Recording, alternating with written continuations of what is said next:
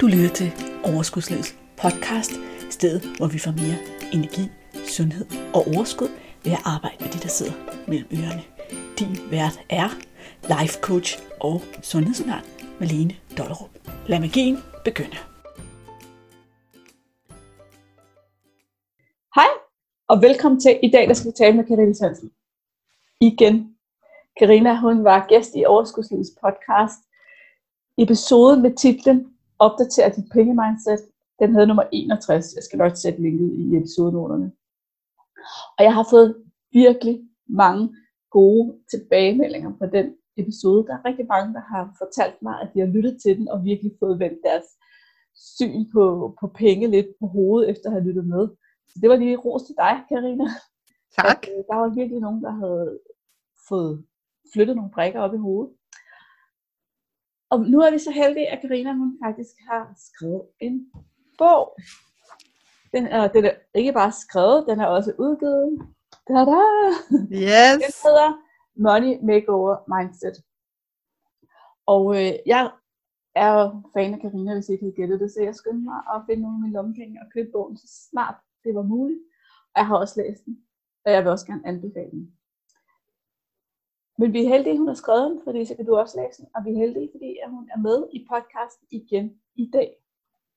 Og vi springer alt det der sådan, til power snak over, fordi det kan I høre i episode 61.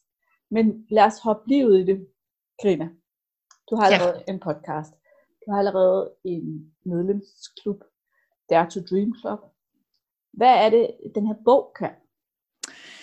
Jamen, hele årsagen til, at jeg valgte at skrive bogen, det var fordi, jeg i virkeligheden havde behov for et sted at dele sådan det fundamentale, grundlæggende mindset, som, som jeg fik øh, omkring penge, efter at, øh, at jeg selv lige skulle, øh, skulle igennem sådan en økonomisk rusjetur et par gange, men den første gang er som relativt den værste. Og der kunne jeg bare mærke efterfølgende, at for jeg tænkte jo ikke så meget over det, men når jeg så talte med nogle af dem, som man måske havde lyst til at, at tale med sådan noget om, så kunne jeg godt mærke, at det var en anden måde, jeg så penge og økonomi på, end de gjorde det, øh, det kunne jeg også godt mærke, da jeg begyndte at arbejde i en kassebranchen, som jo er sådan en lidt underfundig kombination. Først selv at have stået med en stor skattegæld, og så ende op med at arbejde i en kassebranche, men det gjorde jeg. Og der kunne jeg også godt mærke, at den måde, som jeg betragtede tingene på, det var ikke sådan helt normalt, og folk var sådan lidt, nå, kan man det, må man det? Øh, og derfor så havde jeg faktisk lyst til at komme det ned i en bog sådan en gang for alle, for ligesom at give så mange som muligt chancen for at forstå, jamen hvad er, hvad er en anden måde at betragte penge og, og privatøkonomi på, i forhold til den her meget, ofte meget maskuline, resultatorienteret plus og minus, og du skal bruge mindre end du tjener, og alt det her øh, fokus, og, og, og egentlig også meget frygtbaseret tit, oplever jeg. Altså det her med, at vi mangler, og vi samler til bunke, fordi vi er bange for at komme til at mangle osv. Mm. Den havde jeg lyst til sådan en gang for alle at få nedfældet på skrift, fordi så var den der.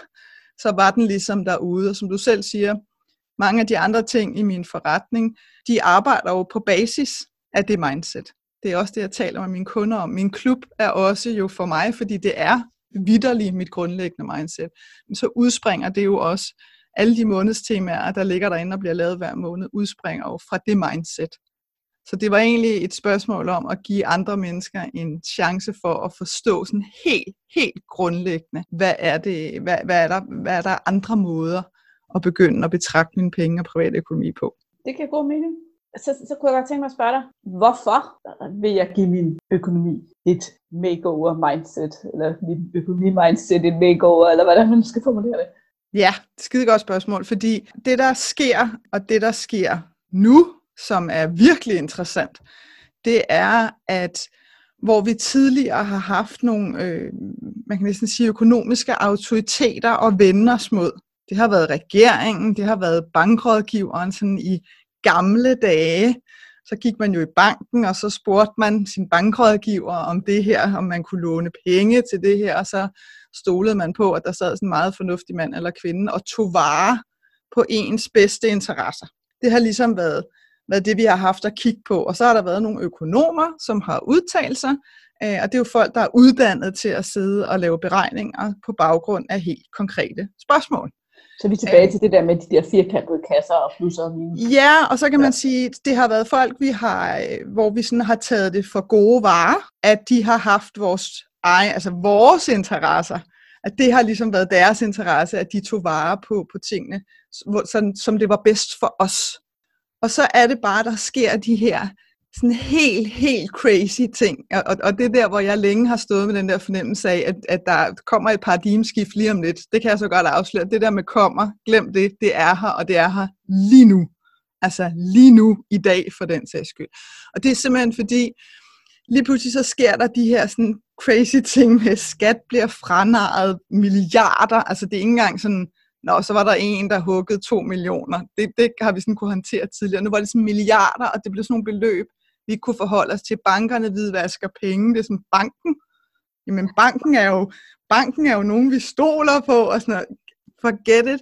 Bankrådgiver, som ligesom blev i gåsøjne hængt lidt ud, kan man sige, for at have foreslået og anbefalet nogle lån. Det er jo også derfor, at en bankrådgiver ikke burde hedde bankrådgiver i dag, for de må ikke rådgive. Det er jo ret komisk. Hvis du går i banken i dag og gerne vil have et boliglån, så må de ikke sige til dig, hvilken et af deres boliglån de synes er det bedste. Fordi det må de simpelthen ikke længere. Det er selvfølgelig, fordi de fik hak i tuden tidligere.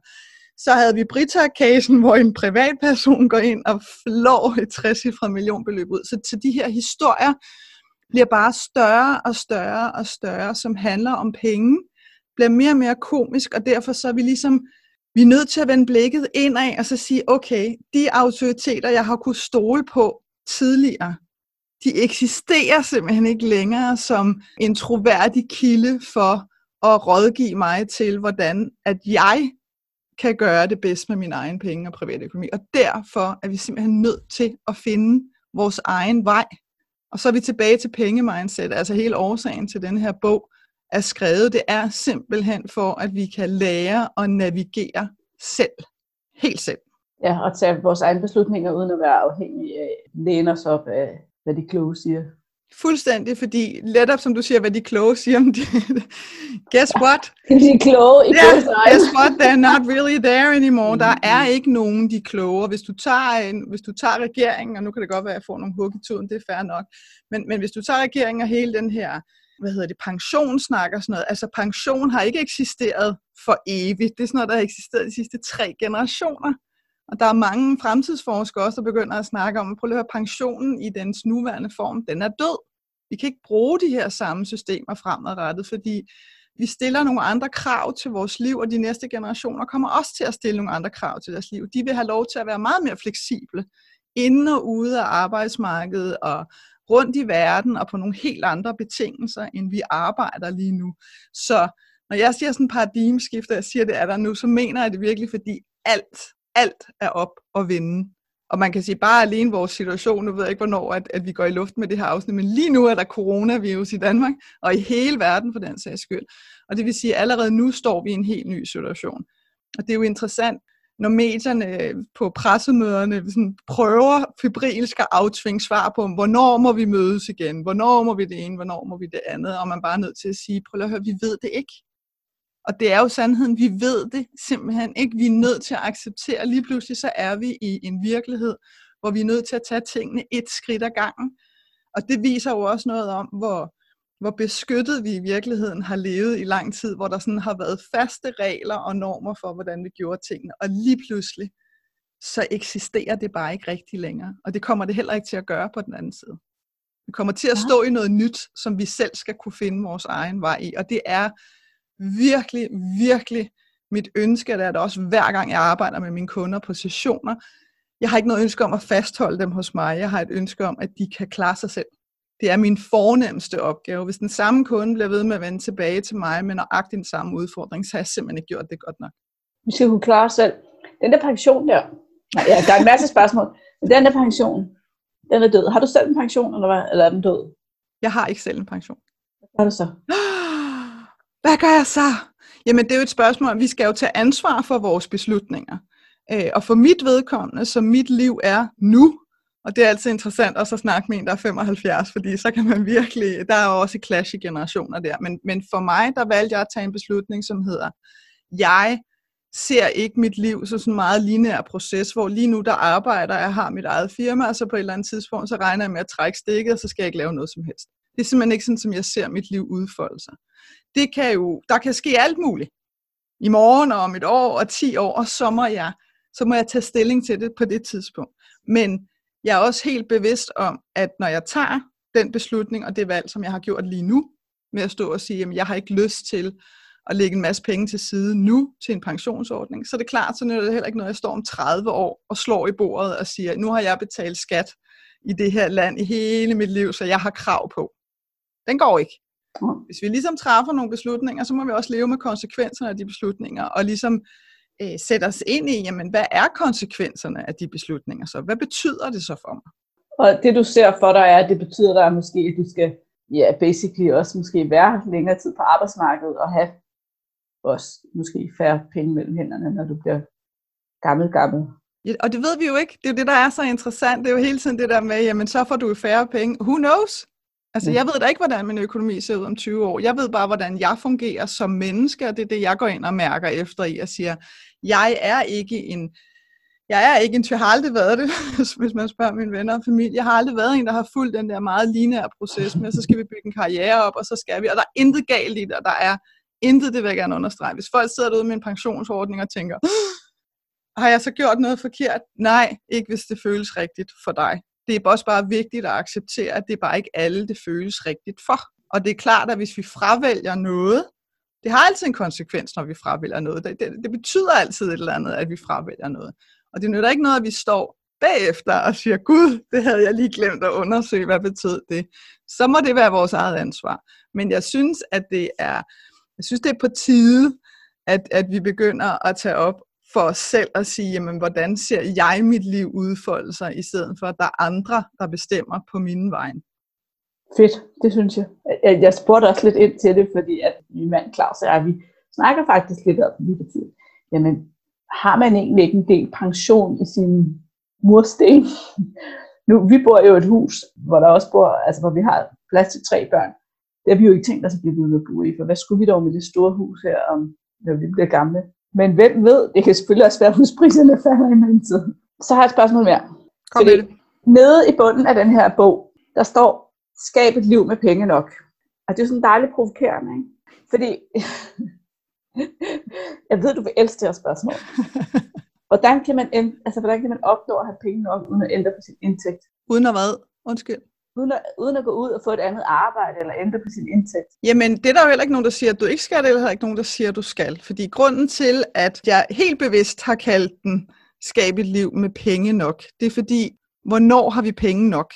Det er igen så super individuelt for den enkelte. Det betyder noget vidt forskelligt for hver af os.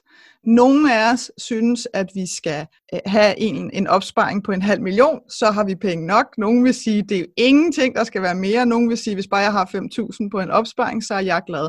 Det er simpelthen så forskelligt. Men det, som jeg lægger vægt på, og som også øh, går igen i bogen, det er det her med at sørge for at indrette en økonomi, som passer til det liv, du har lyst til at leve. Og det kan være, at det kræver, at du træffer nogle store valg lige nu. Det kan være, at du skal bo et andet sted. Det kan være, at du har drømt om at bo et andet sted, og så bare tænkt, det må, det må vente, og det kan ikke være nu. Eller hvad så med ungerne? Det er sådan en rigtig god en. Jeg ser mange forældre, der fastholder sig selv med børnene som undskyldning for, at de i virkeligheden ikke kan gøre noget af det, som de godt kunne tænke sig at gøre lige nu, fordi uh, så kommer børn, så skal børn ud af skole og væk fra deres venner, og jeg bliver bare lige nødt til at sige det. Det kan man godt overleve. Det er der flere mennesker, der har overlevet. Jeg tror, det går an. Så det der med hele tiden at holde os selv tilbage med en masse forskellige forklaringer om, at jeg kan da ikke flytte til Bornholm og, og lave keramik. Altså, hvad havde det? Og det siger mine veninder også, det er også noget mærkeligt noget, og det er også bare en hyggelig drøm, men det er noget pjat, og så videre, og så videre. Så det her med at finde ud af, hvad er nok for dig, og hvad skal der så til? Er det et spørgsmål om, at du bare omrokerer på din nuværende økonomi, og så, gud, nå, så var det egentlig nok? Altså det har jeg også kunder, der har gjort, som når de, har, når de først virkelig har fået sat sig ordentligt ind i deres udgifter, og virkelig har fået sat budget op, som jeg mener, at man skal sætte budget op, hvor det rent faktisk er noget, man aktivt går ind og bruger hver evig eneste måned.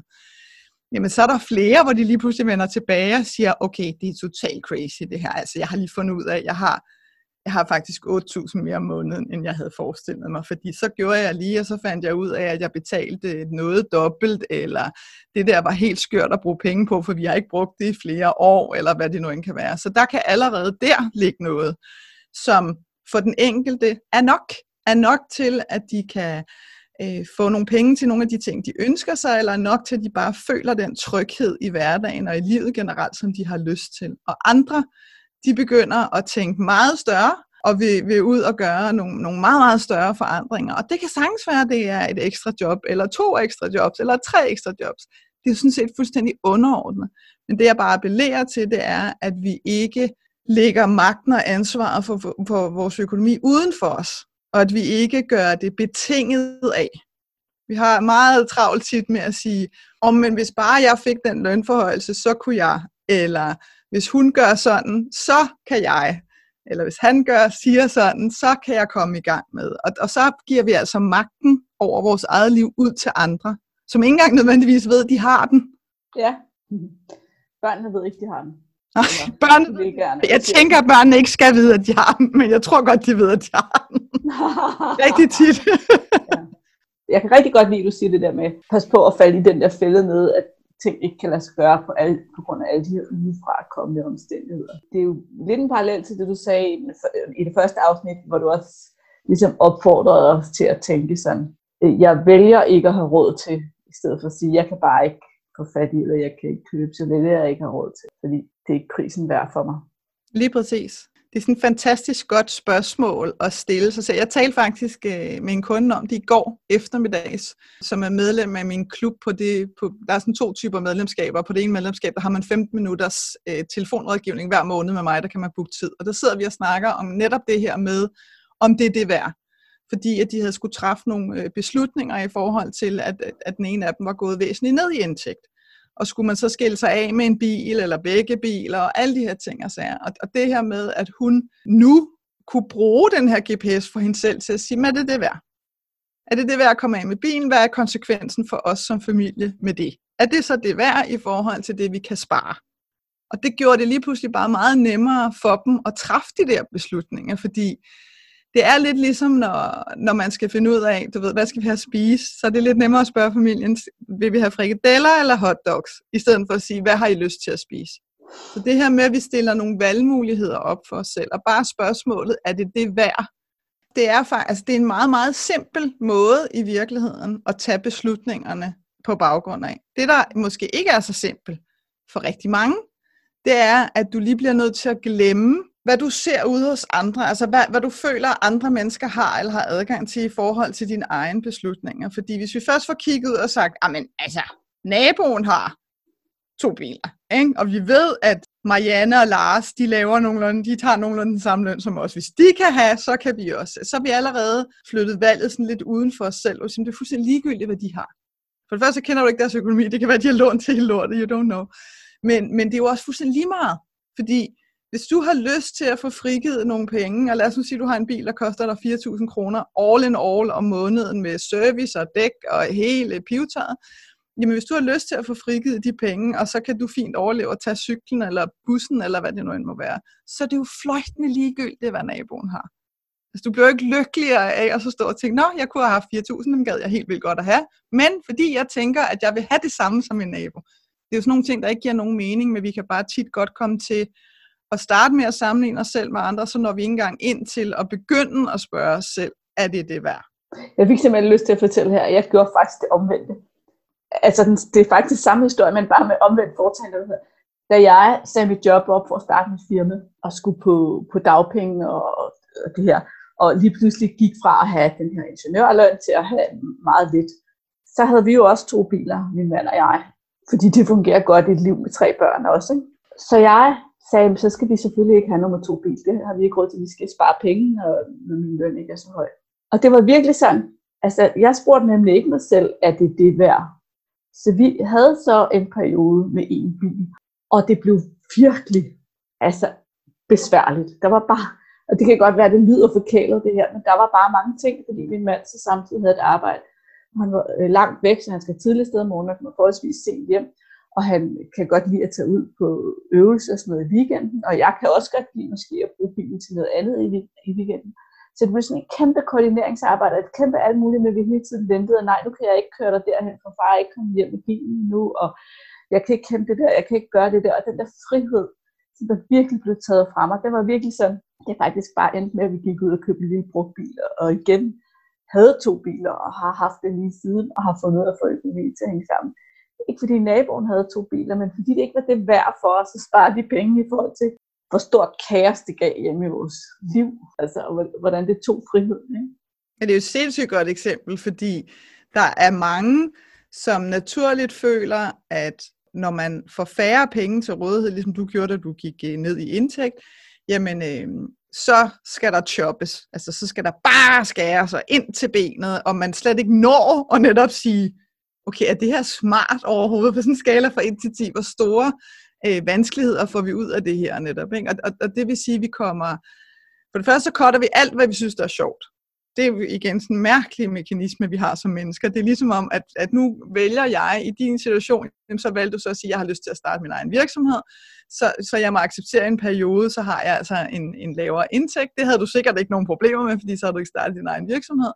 Men det her med at være helt cool med det, og så ikke tænke og synes og mene, at, at nu fortjener man intet godt i denne verden. Det er jo lidt, øh, jeg kan forestille mig, at du nogle gange står i det samme med nogle af dine øh, kunder, øh, hvis man vil tabe sig, eller et eller andet, som hedder, nej, så hedder det 0 sukker herfra, og 0 det ene, og 0 det andet.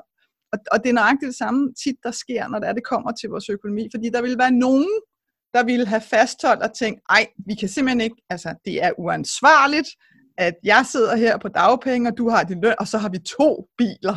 Det kan man ikke. Det er fros og alt muligt andet. Og det er jo noget pjat. Det er noget pjat, men det er sådan Jeg tænkte, det kan man ikke. Det, det kan man da ikke. Det er man nødt til at undvære. Præcis. Præcis, ikke? og det er, at vi går over i det der autopilot-mode, hvor at vi har nogle faste forestillinger, og så kan man sige, hvor har vi dem fra? Dem har vi alle mulige steder fra. Dem har vi fra vores forældre, som er efterkrigsbørn øh, som er baseret, deres opdragelse er baseret på mangel, for Christ's sake, fordi der var mangel. Øh, så, så det var ikke engang noget, vi sådan lød som om, det var der virkelig. Så vi er præget af dem, vi er præget af, hvad vi får at vide af samfundet, vi er præget af, hvad vi hører, øh, det kan være alle mulige, det kan være en lærer, det kan være en venindes far, det kan være whatever, vi sådan ligesom samler sammen derude i vores overbevisninger, som ligger sig.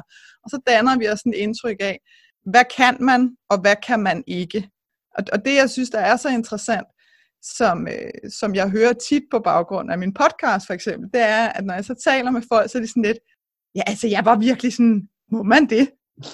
Må man, må man godt begynde at se lidt sådan på det? Kunne man, kan man se sådan på det, du ved? Øh, og jeg har selvfølgelig stadigvæk folk, også når jeg sidder med dem i, i sessioner på, øh, på telefonen, som ligesom siger, jeg havde en her for nylig, som siger til mig, vi, vi er to voksne og fire børn, hvad, hvad skal man have i rådighedsbeløb? Nu har jeg let og let og let alle vegne, og det, det er alle mulige forskellige tal. Hvad er det rigtige tal? Man bare sige, der er ikke noget rigtigt tal.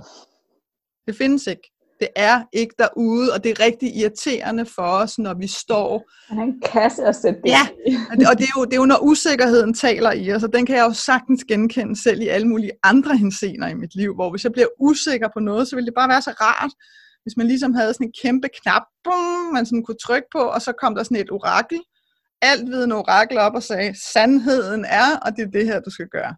Men den er ikke derude. Øh, og så er vi tilbage til bogen. Hvorfor er det, at man skal, hvorfor er det, at man skal skabe sig sin egen vej igennem? Det er, fordi der er ikke en sandhed. Rådighedsbeløb er sådan et skørt begreb i virkeligheden til at starte med, fordi bankerne som er pjattet med at få rådighedsbeløb. Det er de typisk, hvis du skal låne penge til bolig, så plader de løs om rådighedsbeløb. De er ikke enige om, hvad det der rådighedsbeløb skal indeholde. Nogle siger, det skal indeholde forsikringer, og nogle siger, det bare skal være, hvad du har tilbage til mad og tøj. Og så vil jeg sige, de beløb, man skal have til rådighed. Jesus Christ, altså det er jo sådan noget med, at familier skal, så skal I have 14.000 til jer selv til mad, bare hvor folk er sådan, vi har aldrig haft 14.000. Nej, det har jeg også en veninde, der havde fået viden. Ja. Så skal I have så så mange penge til mad. Så sagde hun, what? Vi har ikke engang haft halvdelen af det hele mit liv. Nej, og det, man skal også bare huske på, at det er for banken, er det et meget effektivt middel til at frasortere kunder. Mm? Ja. Fordi man har sine regler, og ups, I har et lavere rådighedsbeløb, det er vi kede af, så kan vi ikke få jer ind som kunde. Gud, hvor er det ærgerligt. Der er ligesom ikke rigtig nogen, der kæmper for at få dig ind som kunde, men så det er en frasorteringsproces også. Så glem alt om de her kasser og bokse og faste beløb, og I'm sorry, jeg ved godt, det er virkelig irriterende at sige det, fordi vi gerne vil have noget tryghed og sikkerhed, men det, det findes simpelthen ikke derude som sådan en formel, du kan bruge til noget som helst, fordi vi vil ikke det samme. Vi har forskellige ønsker i vores liv. Vi har forskellige behov i vores liv. Vi vil noget forskelligt. Vi er individer for Christ's sake. Altså, vi vil alle sammen noget forskelligt. Der er ingen af os overhovedet ud af de 5,1 eller andet millioner, der vil præcis nøjagtigt det samme hver evig eneste sekund i vores liv. Det eksisterer ikke. Jeg synes, det er så perfekt. Jeg kan ikke lade være, jeg sidder her. Undskyld, men det er jo fordi, jeg arbejder med vægttab. Og du selv lige pegede lidt på det. Der er jo bare så mange paralleller. Altså for det første, at rigtig mange af kvinder, når de skal ud og skabe vægttab og tabe sig, så prøver de at putte det ind i den der kasse. Hvad er det der tal? Hvad er det der præcise tal, jeg skal spise for at opnå det der vægttab, som går, så jeg taber præcis så meget? Hvor står det henne? Ikke? Vi prøver at putte det ind i en kasse. Hvad er det jeg præcis, jeg skal spise? Og igen, det er der ikke nogen, der kan svare på, for vi er individer, og vores, ligesom du siger, vores ønsker til vores liv er forskellige, til vores krop er forskellige.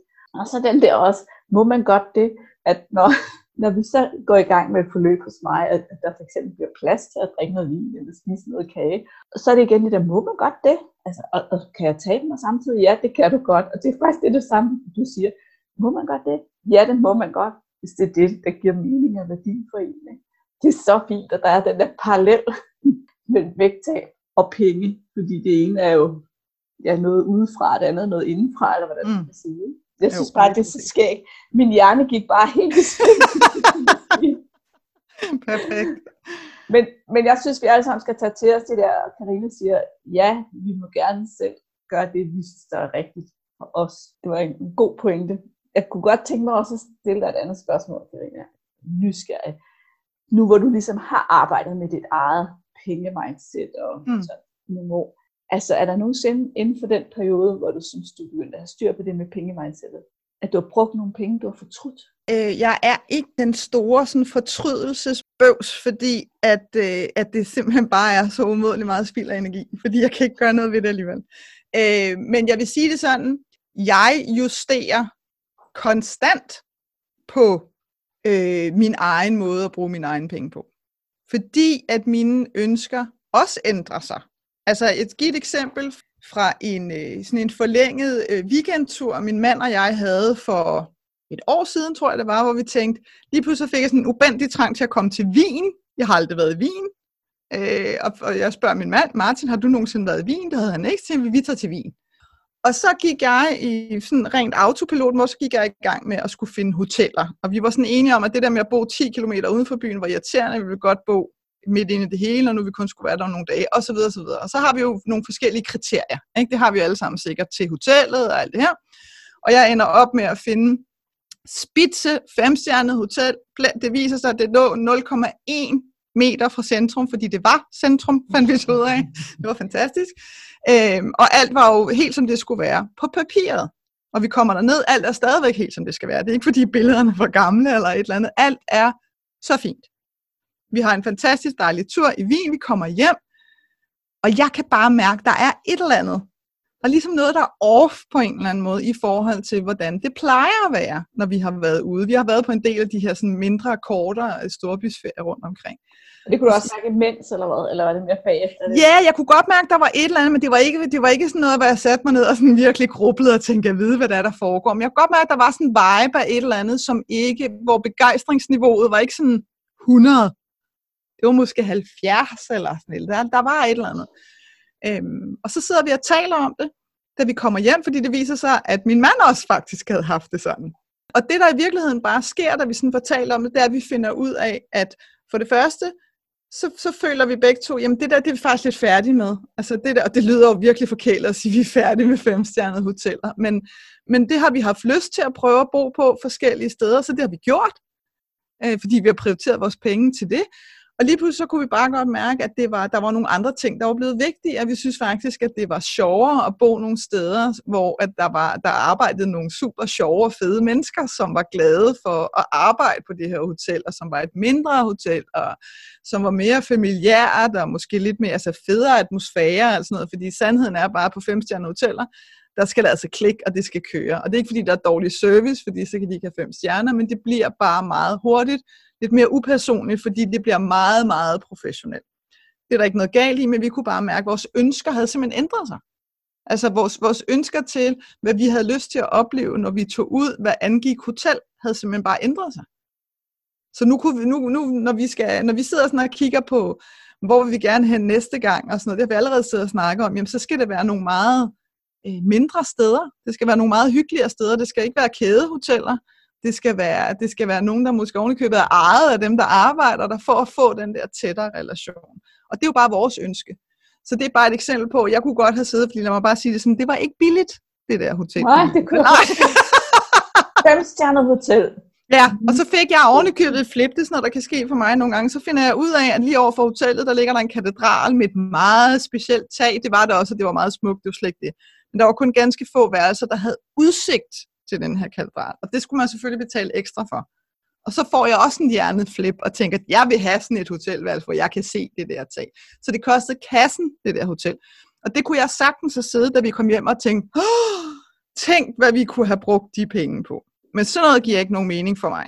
Fordi når jeg har sat penge af til noget, så er det cool, så har vi brugt dem, og så er det sådan der. Altså det der med at sidde og, og banke sig selv oven i hovedet og tænke, ej, så kunne vi have købt og gjort og så videre. Ja, det er rigtigt, det kunne du. Du har ikke pengene.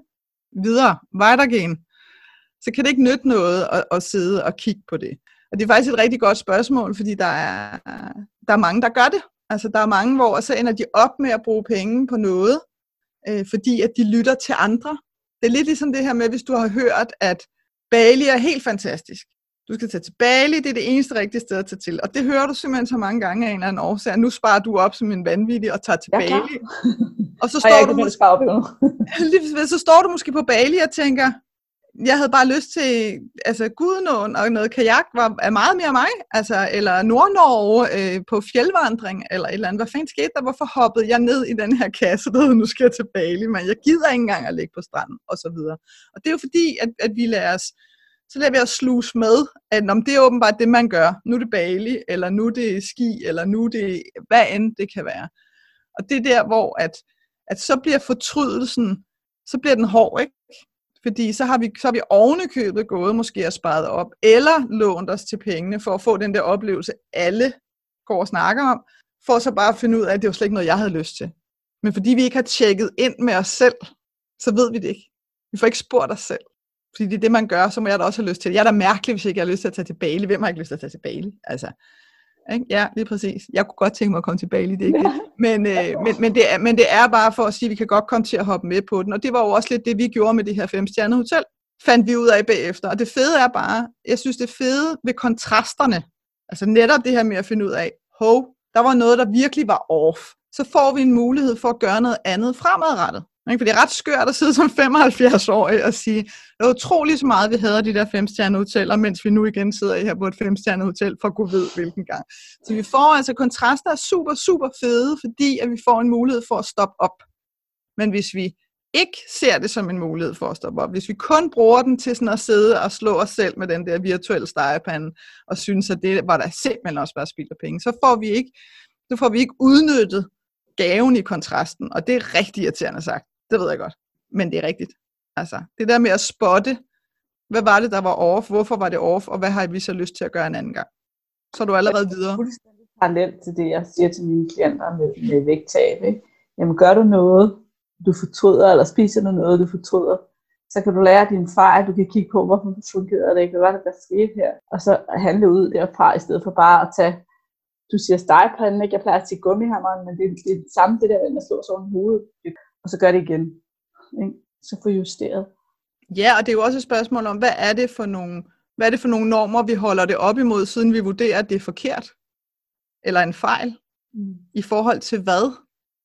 Er det fordi, at, at jamen, man må ikke spise kage, mens man vil tabe sig? Så har jeg allerede nu lavet en fejl. Øh, så, så det er jo også værd at få kigget på. Og så er vi virkelig ude af skide, ikke? fordi så, nu har vi slet ikke noget at holde os til. Men jeg tænker, at det jo, hvis man så tager det med dit eksempel, og dig personligt, som sidder på dit femstjernede hotel nede i mm. så kunne pendanten jo så være, at du sagde, man må ikke sidde på et femstjernet hotel i og synes, der er noget, der er off. Nej, præcis. Fordi så er vi utaknemmelige, eller så er vi bla bla bla. Ikke? Så er vi tilbage til at lade os styre eller andre tænke, i stedet for bare at eje, hey, jeg synes det er off, jeg skal gøre noget andet næste gang. Lige præcis. Det var et fedt eksempel. Fedt, fedt. Lige præcis. Men Karina, er du så nået så langt, så du synes, du altid har penge nok? Eller føler du altid penge nok? Ja, ja, totalt. Ej, prøv at høre, jeg har, jeg har masser af situationer, og, og det var også det var super vigtigt for mig også at skrive min bog. Det her, det handler ikke om, at, at når du så når hertil, så er du sådan, kling, så er der flueben, og så er du set for life. Hak ved den, så er vi videre til noget, noget andet. Sådan fungerer det bare ikke. Fordi økonomi er en, en helt naturlig del af vores liv. Så kan vi tage os af den, eller lade være. Den, den er der alligevel. Og det er også derfor, jeg prøver at sige til folk, du kan lige så godt skabe et kærligt forhold til den, fordi den bliver ved med at være der. Så det er ret åndssvagt at have sådan en ting i dit liv, hele resten af dit liv, som du skal gå og hade på hele tiden, fordi at du egentlig ikke har lyst til at se på den måske. Så, så det betyder også, at vi kan alle sammen komme ud i situationer igennem vores liv, og det gør vi, og det vil være naturligt at gøre det. Det er bare for at sige, hvis der er nogen, der sidder i den situation nu, hvor de tænker, okay, jeg er, jeg er virkelig på spanden, altså jeg synes ikke rigtigt, at ting overhovedet hænger sammen, og vi har slet ikke nogen penge, og vi skylder en masse penge eller et eller andet. Det der, det er noget, som rigtig, rigtig mange af os oplever, og, og vi er jeg plejer sådan at sige, at, at vi, er, vi er kun ganske få livshændelser fra, at alt muligt lige pludselig er vendt på hovedet. Og når jeg siger livshændelser, så kan det være sådan noget, jeg er blevet fyret, min mand vil skilles, og, øh, og, og vi har øh, vand i kælderen. There you go, så er vi sådan ved at være der. Altså, og det skete lige sådan hen over en weekend. Ikke? Så, så det er bare for at sige, jeg justerer løbende. Jeg tror bare, det der er forskellen, eller det jeg ved, der er forskellen på mig for mange år siden til nu, det er, at jeg meget hurtigere spotter. Nu foregår der et eller andet, eller nu skal jeg være opmærksom på noget her, nu, nu, øh, nu er der nogle situationer her, som, øh, som lige kræver min opmærksomhed. Og netop det her med, at, at når der opstår en situation, nogle gange sker der jo også ting, til bare vores nuværende øh, virkelighed lige nu, hvor der er nogle mennesker, der er blevet fyret. Jamen det er jo ikke, det er jo ikke noget, vi kan gå og forberede os på hele vores liv. Jeg ved godt, der er en masse listige forsikringsselskaber, så kan man lave lønsikring og alt muligt, ikke? Og, og det er jo også en, en, en smart nok måde at få, få penge rundt i, i samfundet på, det er ikke det. Men, men, men hvis vi bliver bange for at leve, så, så får vi en udfordring. Så, så i stedet for ligesom at sige, vi skal ikke prøve at sådan polstre os ind til at kan klare en hvilken som helst tænkelig situation. Men når der opstår situationer, så skal vi håndtere dem. Så skal vi tage os af dem.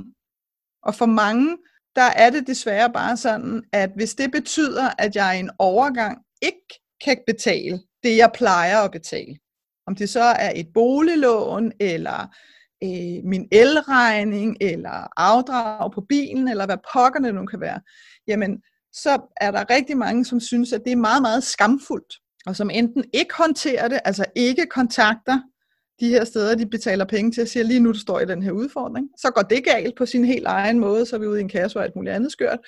Øh, eller som også prøver at sådan, hvad skal man sige, at glemme det lidt, og prøver lidt at, og lade som om, at det er nok ikke så slemt, og jeg vælger bare lige at lade være med at kigge på kontoen her de næste par måneder. Og det går simpelthen ikke. Det der, altså så er vi tilbage til igen. Vi er nødt til at få flyttet magten tilbage til os selv over vores penge og vores økonomi, og forstå, at alt, hvad der sker, altså livet er ikke noget, der sker imod os. Vi er i det, og der opstår situationer. Jeg, der kan også for mig opstå en situation igen i morgen, om et år, om 10 år, som gør, at jeg siger, okay, forfra, ny økonomi her, der er sket lige noget her. Og det er okay. Altså, life happens. Øh, spørgsmålet er bare, hvordan reagerer vi på det her? Hvad er det, vi gør med det, når det er, at de her situationer opstår? Det er aldrig overstået. Din økonomi er aldrig færdig. Kommer aldrig i mål. Sorry, gør du ikke. Nej, men jeg synes, det er så fint, hvis vi kan slippe skammen over, at der nogle gange er noget, vi ikke kan betale. Og tænk på det på den måde, du lige har præsenteret os på. For altså, ja, så mister jeg mit arbejde, eller taget flyver huset, og det var ikke forsikret, eller whatever der sker, som slår bunden væk under os. Og sådan er livet, og det er noget, vi er midt i, og så håndterer det, i stedet for at skamme os over det. Så kan vi jo klare næsten alt. Fordi jeg plejer nogle gange at sige, hvad er det værste, der kan ske, hvis du mister dit arbejde. Og så, så alt det der, som der som er underliggende med, jamen så står vi øh, ude på gaden og har ingen tøj og ingen mad og sådan noget. Det kan man jo godt sige, nej, det er jo ikke rigtigt. Men så kommer alle de der følelser af, at der er noget, der er pinligt og skam, som vi er så bange for at mærke. Så vi gør alt for ikke at mærke dem, ikke? Ja. Inklusiv at lade være at kontakte de mennesker, som kunne få det til at blive til smertefrit. Det synes jeg var et rigtig godt, en rigtig god indsigt, du gav os der. Mm. Og der er ikke noget at skamme sig over. Hvis vi tror det, så er det bare fordi, vi er blevet programmeret forkert. Ja, og, og det er vi jo øh, rigtig tit. Altså, øh, hvis, vi, hvis vi bare tager vores arbejdssituation, som jo helt objektivt set, fordi jeg er selvfølgelig rigtig ked af det for alle de mennesker, som, som måtte have mistet deres arbejde i løbet af den her øh, krise, som vi står i lige nu. Men, men hvis vi tager den situation, så var der også ligesom, der var skulle gået noget galt med vores syn på, øh, på det her arbejdsmarked. Øh, hvad angår sådan, hvad vil jeg påtage mig at lave, og hvis jeg er vant til at arbejde som det her, så kan jeg i hvert fald ikke gøre det her nu, og så videre. Det er sådan en meget, meget begrænset måde at se vores liv på, som også gør, at vi får låst os selv fast. Og jeg gav sådan her eksempel på et tidspunkt, da jeg holdt en, øh, en workshop i et netværk, hvor jeg siger, tag nu, lad os nu sige, at vi har Birgitte, der sidder her i netværket, hun er massør. Og lige pludselig så kommer Hanne ned i Rema 1000, og så ser hun Birgitte sidde ved kassen. Øh. Og Hanne står der i køen og tænker, gud, det skulle da Begitte for netværket der. Nå, så gik det ikke med den der massørforretning der. Nå, okay, ja, okay. Og så, nå, så var det Rema 1000, det var så der, hun kunne få job. Og der er ikke noget galt med at være øh, kasseassistent i Rema 1000, understreger jeg lige. Men Hanne, hun står og har alle de her øh, tanker, hvilket de fleste vil have. Altså igen, det er der ikke noget galt i at have de her tanker. De kommer jo op for pokker, ikke? men hun får ligesom vurderet situationen, kommer op til kassen, prøver måske lige lidt at undgå Begitte, fordi det er måske lidt pinligt, tænker hun for Begitte. Fordi det er måske lidt flov for Begitte at sidde i kassen, og Begitte siger til Hanne, hej Hanne, hvor hyggeligt, at du er her og smiler og er glad, og Hanne bliver sådan lidt, nå hej Gud, er det dig, og nå, og hvad så, så gik det ikke med den der med Jo jo, jo jo jo, det går super fint. Jeg havde bare lyst til også at lave noget andet, fordi jeg havde simpelthen lyst til at komme ud og, øh, og lige, øh, du ved, møde nogle flere mennesker og sådan noget, fordi du ved, nogle gange så er det jo kun en til en med massagen og alt sådan noget, så jeg havde bare lyst til at lave noget andet, og det her, det er perfekt, fordi jeg har sådan et par vagter om ugen, og øh, ja, og så får man lige lidt ekstra penge, og ja, det, det er super. Så, altså, nu sker der fandme noget mærkeligt med Hanne, når hun går ud af Rema 1000, ikke? fordi nu begynder der at komme sådan nogle tanker op hos hende, som hedder, må man det? altså, kan man, et, kan man sidde, tænker jeg, Hanne, og nu tillægger vi Hanne nogle overbevisninger, det med på, men det er bare lige for at karikere den lidt. Kan man sidde og være glad for at sidde i kassen i Rema 1000? Ja, det, Birgitte, hun virker rimelig glad. Okay, tjek, det kan man godt.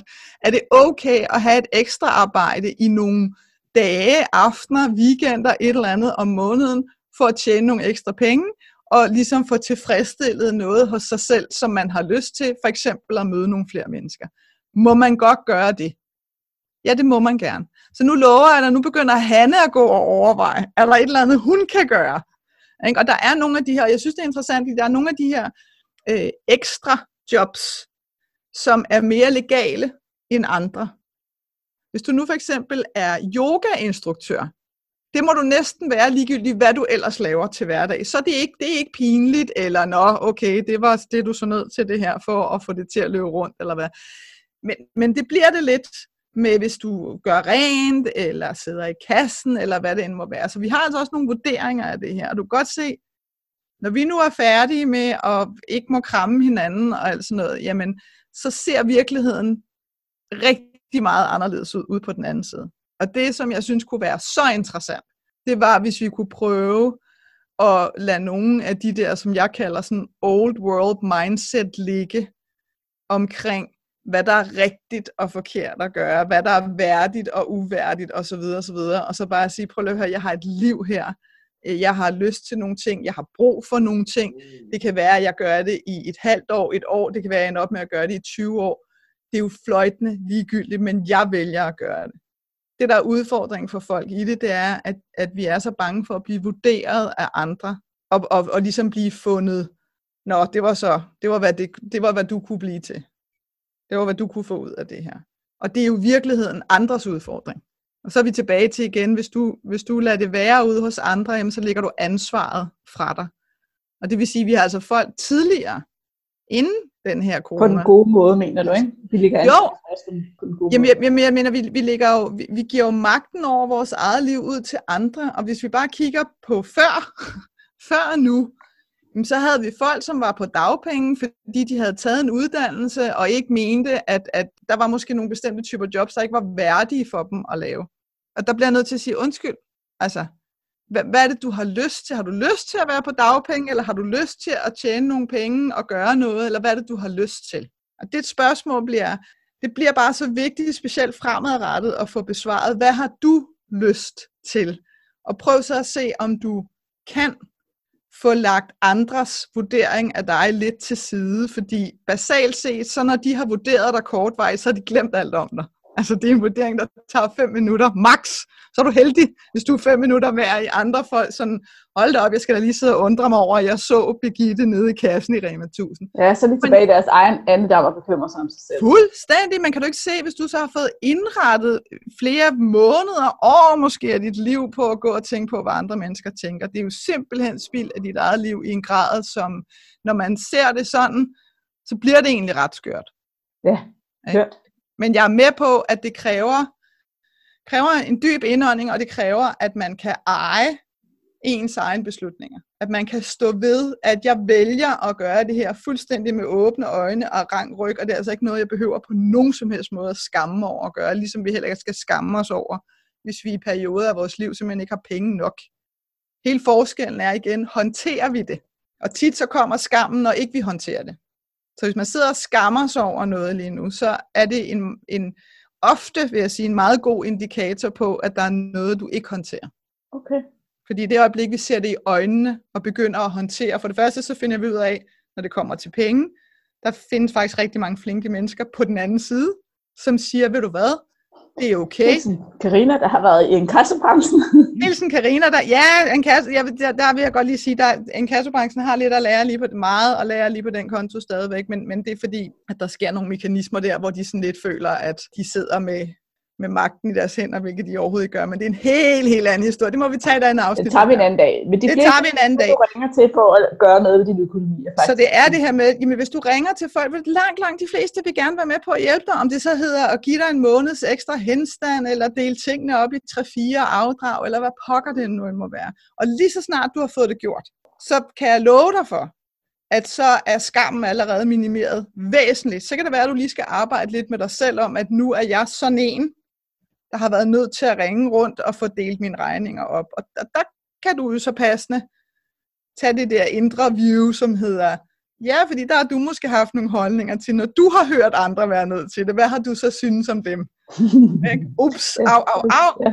Så skal jeg måske lige have justeret den, og så finder du så ud af fremadrettet, jamen så er dit syn jo for altid justeret til at sige, nå, det er jo ikke fordi, at de bare er helt håbløse til deres økonomi eller noget som helst. De har bare haft nogle udfordringer. Ah, okay. Og så er du allerede også der blevet lidt større menneske samtidig. Det er jo fantastisk. Det er fantastisk. Det er fantastisk. Yes. Jeg, synes, jeg, jeg tænker, at vi skal runde af med de her ord og den her begejstring, du har her. Og så tænker jeg, Karina, hvis dem, der sidder og lytter med her, til endnu en skøn episode med Karina, de tænker, jeg vil gerne have noget mere af det der energi og det der kærlige forhold til penge, som Karina tydeligvis stråler helt ud i øret på folk her. Jeg, jeg skal læse den der bog, jeg tænkte, hvis det var mig, der hørte det her. Så alt det andet om, hvordan man kan få fat i dig og din medlemsklub, så det står allerede i episode 61, men hvad gør vi, hvis vi gerne vil have bogen? Jamen, det der jo er så fantastisk med den bog, det er jo simpelthen, at øh, officielt har den øh, udgivelse den 4. maj 2020, men jeg Men her med den i hånden, og det, det sidder er allerede med den her i hånden, og det gør vi simpelthen, fordi at mit øh, fantastiske trykkeri var lynhammerne hurtig, og, øh, og fik leveret en masse af dem bagom til mig, inden at de begynder at ramme boghandlen. Så man kan altså gå ind på min hjemmeside, www.kenddinepenge.dk. Der ligger et link op i toppen, som hedder bogen, og der kan man altså gå ind og, øh, og hapse den. Og ellers så begynder den at komme ud i, øh, i boghandlerne stille og roligt. Når, øh, jeg plejer sådan at sige, når Danmark går i vatter igen, så kommer jeg til at brage rundt i min lille røde op og besøge alle boghandlerne, fordi den jo selvfølgelig skal, skal så langt ud som muligt. Men jeg vil dog sige, fik et billede her i går, tror jeg det var, den har simpelthen ramt Grønland fordi jeg har en kunde på Grønland, så det er meget fantastisk. Så den, den er fløjet hele vejen op til Grønland, så det var dejligt. Ja, tillykke. Ja, tak. Fantastisk. Tak fordi, at du vil bruge tid sammen med os endnu en gang, og alle dine dejlige opmuntrende ord og kloge ord. Jeg har taget endnu et par gode ting med mig i dag, så det har jeg været glad for. Tak. Tak fordi jeg måtte komme. Ja, det var så afslutningen på... Kunne I høre det? Det er min nye hundevalg, der ligger nede på gulvet og tykker i et piv-legetøj. Det her, det var afslutningen på anden interview, anden besøg fra Karina fra Kend Dine Penge. Jeg synes, der var rigtig mange gode takeaways i det her afsnit, og jeg tænkte, at det kunne være sjovt lige at summere op. Blandt andet så sagde Karina til os, at vi skal være opmærksom på, at måden at tænke økonomi på er i gang med at blive forandret for altid, og at vi vil se en helt anden måde at tænke økonomi på efter corona. Så det her er en oplagt lejlighed for dig til at tage fat i og se på, hvordan tænker du økonomi, og kunne du med fordel gøre det på en anden måde. Vi talte om penge, skam, og det her med at opdage, at man har nogle ting omkring penge, eller der er noget med penge, som man skammer sig over. Når du falder i den fælde, så gælder det om at erkende, at det er der, og undersøge, hvad det handler om. Så du kan lade dig styre af dine egne værdier, og det, som der giver mening for dig, i stedet for at lade dig styre af udefra kommende ting. Uanset om det handler om en gæld eller penge, du ikke har til at betale noget, eller det handler om et job, som der har ry for at være mindre prestigefyldt. Et andet takeaway, der ligger op af det, var hele tankegangen omkring at blive opmærksom på, hvornår at du er fastlåst i dine egne idéer om, hvad der er rigtigt og forkert. Når du kan finde på at tænke, må man det om økonomiske måder at være med sine penge, så er det tid til at spørge, må man det? Ja, det må man nok godt. Den sidste takeaway, jeg fik lyst til at tage med her, det var den her med, at penge nok betyder ikke, at du har en uendelig udtømmelig kilde af penge til at gøre alt i hele verden. Men det handler i høj grad om at blive klar på, hvad er det, du gerne vil, hvad er det, der er vigtigt for dig, og så kunne indrette dig derefter og prioritere derefter. Det var takeaways, inklusiv hundevalgblevet til dig. Nu vil jeg slutte af og sige tak for i dag, fordi jeg måtte hænge ud i dit øre igen endnu en gang. Jeg har noget godt på programmet til næste uge, så bliv hængende. Vi høres ved. Hej hej. Hey, inden du løber, glem ikke at abonnere på podcasten, så du ikke går glip af en eneste episode. Og skulle du have fingre i den gratis videotræningsserie Vægtab med din hjerne, så smut ind på overskudsliddk videoserie så lander den første video i din indbakke i dag.